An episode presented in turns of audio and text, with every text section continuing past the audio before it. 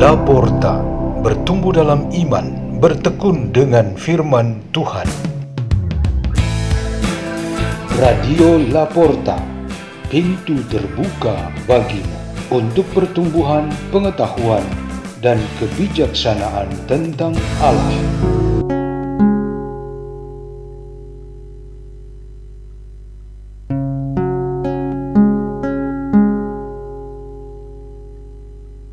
Bacaan dan Renungan Sabda Tuhan. Hari Jumat Pekan ke-6 Paskah 27 Mei 2022 Dibawakan oleh Purworini dari Gereja Santo Ambrosius, Paroki Villa Melati Mas, dan Purwi Pujiastuti dari Gereja Santa Monica, Paroki Serpong, Keuskupan Agung Jakarta.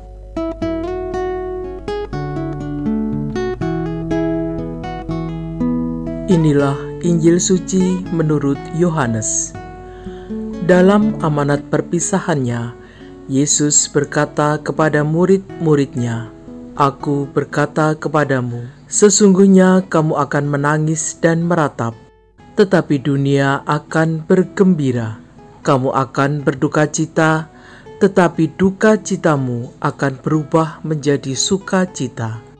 Seorang perempuan berduka cita pada saat ia melahirkan, tetapi sesudah ia melahirkan anaknya, ia tidak ingat lagi akan penderitaannya karena kegembiraan bahwa seorang manusia telah dilahirkan ke dunia. Demikian juga kamu sekarang diliputi duka cita, tetapi aku akan melihat kamu lagi, dan hatimu akan bergembira, dan tidak ada seorang pun yang dapat merampas kegembiraanmu itu daripadamu. Dan pada hari itu, kamu tidak akan menanyakan apa-apa kepadaku. Demikianlah sabda Tuhan.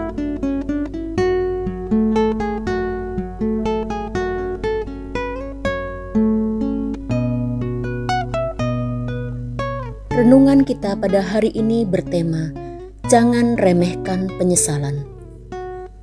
Untuk kesekian kalinya Sandro, remaja yang hendak masuk universitas itu, minta maaf kepada ibunya.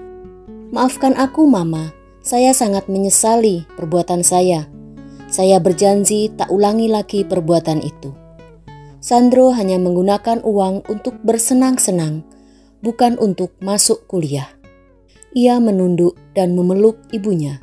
Semoga Sandro berubah. Tetapi setiap janji kita untuk berubah dari kesalahan atau dosa akan terwujud seperti yang diharapkan harus melalui penyesalan. Penyesalan adalah rasa malu, sedih, sakit, derita, dan tidak menyenangkan karena telah berbuat kesalahan dan dosa. Bahkan sikap benci, marah, dan tidak suka terhadap kesalahan dan dosa juga menjadi bagian penting dari suatu penyesalan. Orang yang menyesal menunjukkan bahwa ia marah dan sakit dengan perbuatan tersebut. Jadi, orang tidak boleh menganggap remeh penyesalan, menyangkal, atau mempermainkannya. Yesus Kristus memberikan nasihat bahwa penyesalan meski dinikmati setiap pengikutnya akan menangis dan diliputi rasa sedih atas pengalaman, kekurangan, atau suatu ketidaknyamanan, seperti yang dialami para murid Yesus. Ini merupakan suatu hal yang biasa dan selalu kita hadapi. Tetapi semua itu akan diatasi dengan penghiburan dari Roh Kudus. Penghiburan dan pertolongan yang kita terima setelah penyesalan juga merupakan suatu pengalaman rutin kita. Setelah menangis dan sedih, orang tersenyum dan bersemangat kembali. Namun, suatu penyesalan dipandang paling efektif, yaitu jika itu dilakukan atas dosa-dosa dan kesalahan yang kita lakukan. Bayangkan saja, ada sebuah kesalahan yang dilakukan, lalu yang bersangkutan mau bertobat, memperbaiki diri, tetapi tidak mau menyesali perbuatannya. Saya mencuri uang teman, lalu mengakui perbuatan itu. Saya akan mengembalikan uang dan berjanji tidak mencuri lagi, tetapi saya tak menyesali perbuatan saya. Apa yang terjadi? Saya tidak punya perasaan malu dan sedih. Saya juga tidak merasakan betapa sakit dan ruginya teman saya. Tak ada lagi ruang di hati saya untuk maaf dan respek pada orang lain.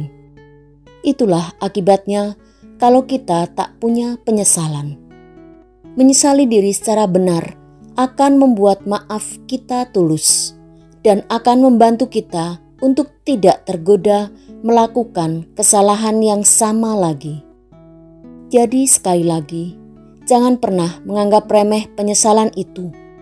Semoga Anda dan saya termasuk orang-orang yang menganggap positif dan penting sebuah penyesalan. Setiap kesalahan menuntut adanya penyesalan. Marilah kita berdoa dalam nama Bapa dan Putra dan Roh Kudus. Ya Tuhan, bantulah kami selalu untuk memiliki penyesalan mendalam atas setiap kesalahan dan dosa yang kami lakukan, agar kami dapat bertobat sesungguhnya. Salam Maria, penuh rahmat Tuhan sertamu, terpujilah engkau di antara wanita, dan terpujilah buah tubuhmu Yesus. Santa Maria, Bunda Allah, doakanlah kami yang berdosa ini, sekarang dan pada waktu kami mati. Amin. Dalam nama Bapa dan Putra dan Roh Kudus. Amin.